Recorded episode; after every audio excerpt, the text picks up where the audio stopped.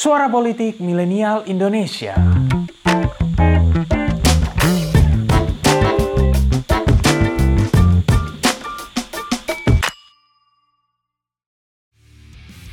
COVID-19 memang telah menjadi permasalahan pelik yang dihadapi masyarakat global sekurang-kurangnya dalam dua tahun terakhir. Selain karena efeknya terhadap kehidupan sehari-hari, mulai dari pola kerja, sosialisasi, dan lain-lain, COVID-19 memang melahirkan banyak perdebatan di sektor kesehatan global. Salah satunya adalah terkait The Big Pharma.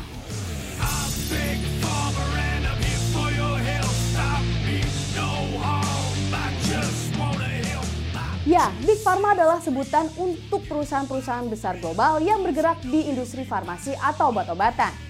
COVID-19 telah melahirkan perdebatan yang membuat perusahaan-perusahaan farmasi ini menjadi sentral dari perbincangan publik. Ini karena mereka lah yang menghasilkan deretan vaksin yang kemudian dibeli oleh berbagai negara di dunia, termasuk Indonesia dan telah kita pakai hingga hari ini. Itu loh Johnson Johnson, AstraZeneca, Pfizer, dan lain-lain. Ini belum termasuk perusahaan obat-obatan yang kebanyakan mengalami peningkatan pendapatan cukup signifikan sepanjang pandemi COVID-19. Narasi dan istilah Big Pharma itu sendiri memang berkembang menjadi teori konspirasi yang menuduh perusahaan-perusahaan ini mengambil untung dari masalah kesehatan masyarakat. Tapi satu hal yang pasti, mereka kini telah sangat powerful dan mempengaruhi kebijakan negara dan masyarakat global. Bahkan banyak masalah kesehatan yang tak akan selesai tanpa research and development dari perusahaan-perusahaan ini. Inilah warna industri The Big Pharma.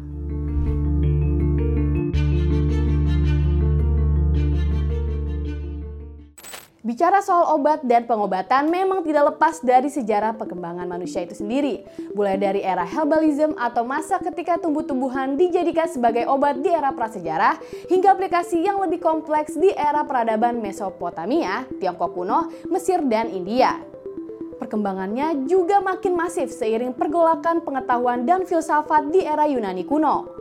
Nah, hingga abad ke-15 Masehi, ilmu pengetahuan tentang medis dan pengobatan masih dipengaruhi oleh cara berpikir dan ilmu pengetahuan yang diwariskan dari era Yunani. Apalagi sains skala itu di Eropa masih inferior dibandingkan agama, dalam hal ini agama Kristen. Semuanya kemudian berubah setelah revolusi ilmu pengetahuan terjadi sejak abad ke-15. Tepatnya setelah Nicolaus Copernicus menerbitkan karyanya yang berjudul De Revolutionibus Orbium Caelestium atau On the Revolution of the Heavenly Spheres. Ini adalah karya fenomenal yang menempatkan matahari sebagai pusat alam semesta. Revolusi ilmu pengetahuan juga menempatkan sains sebagai sebuah entitas yang otonom. Bidang-bidang macam matematika, fisika, astronomi, kimia, biologi, dan lain sebagainya berkembang makin masif seiring pendekatan-pendekatan eksperimental yang dipakai untuk menyelesaikan persoalan-persoalan keilmuan. Nah, era inilah yang kemudian menjadi titik awal perkembangan farmasi menjadi industri.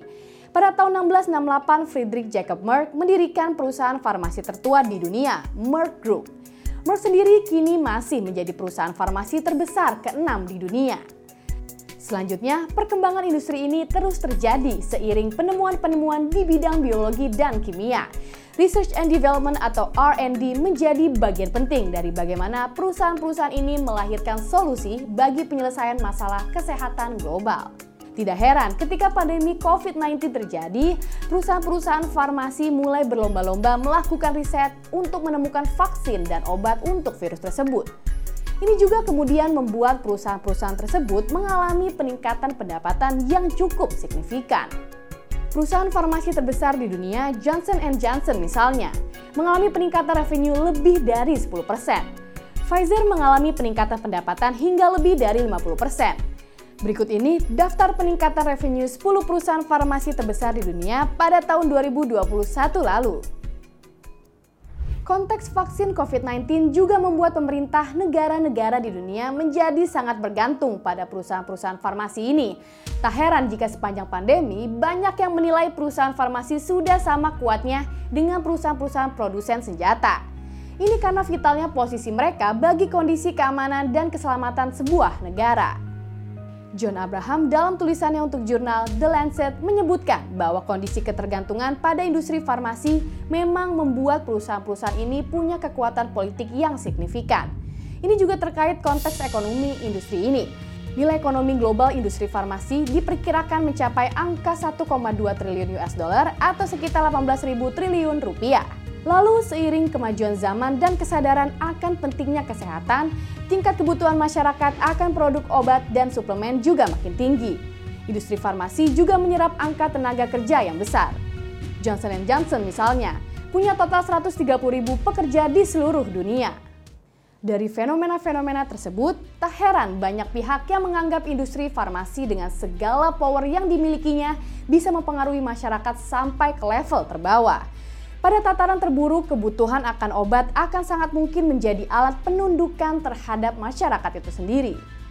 Beberapa tahun lalu, kita menyaksikan bagaimana sosok pembisnis Martin Shkreli yang mengakui sisi brand obat HIV AIDS dan darah prim menaikkan harga obat itu hingga 5000% Yes, dari hanya 13,5 US dollar menjadi 750 US dollar per tablet. Tak heran ia kemudian menjadi musuh nasional dan akhirnya dijebloskan ke penjara. Kasusnya jadi pembuktian bahwa perusahaan farmasi bisa menjadi sangat berkuasa. Yang jelas, narasi kesehatan sebagai sarana pendudukan sebenarnya sudah pernah terjadi di masa lalu. Hernan Cortes sudah membuktikan ketika ia menuduhkan orang Aztec dengan menggunakan wabah cacar di abad ke-16. Dengan demikian, sampai kapan pun pendudukan tubuh baik lewat penyakit maupun obat akan selalu jadi hal yang politis. Nah, lalu bagaimana menurut kalian? Apa pandangan kalian soal keberadaan perusahaan-perusahaan farmasi besar global? Berikan pendapatmu.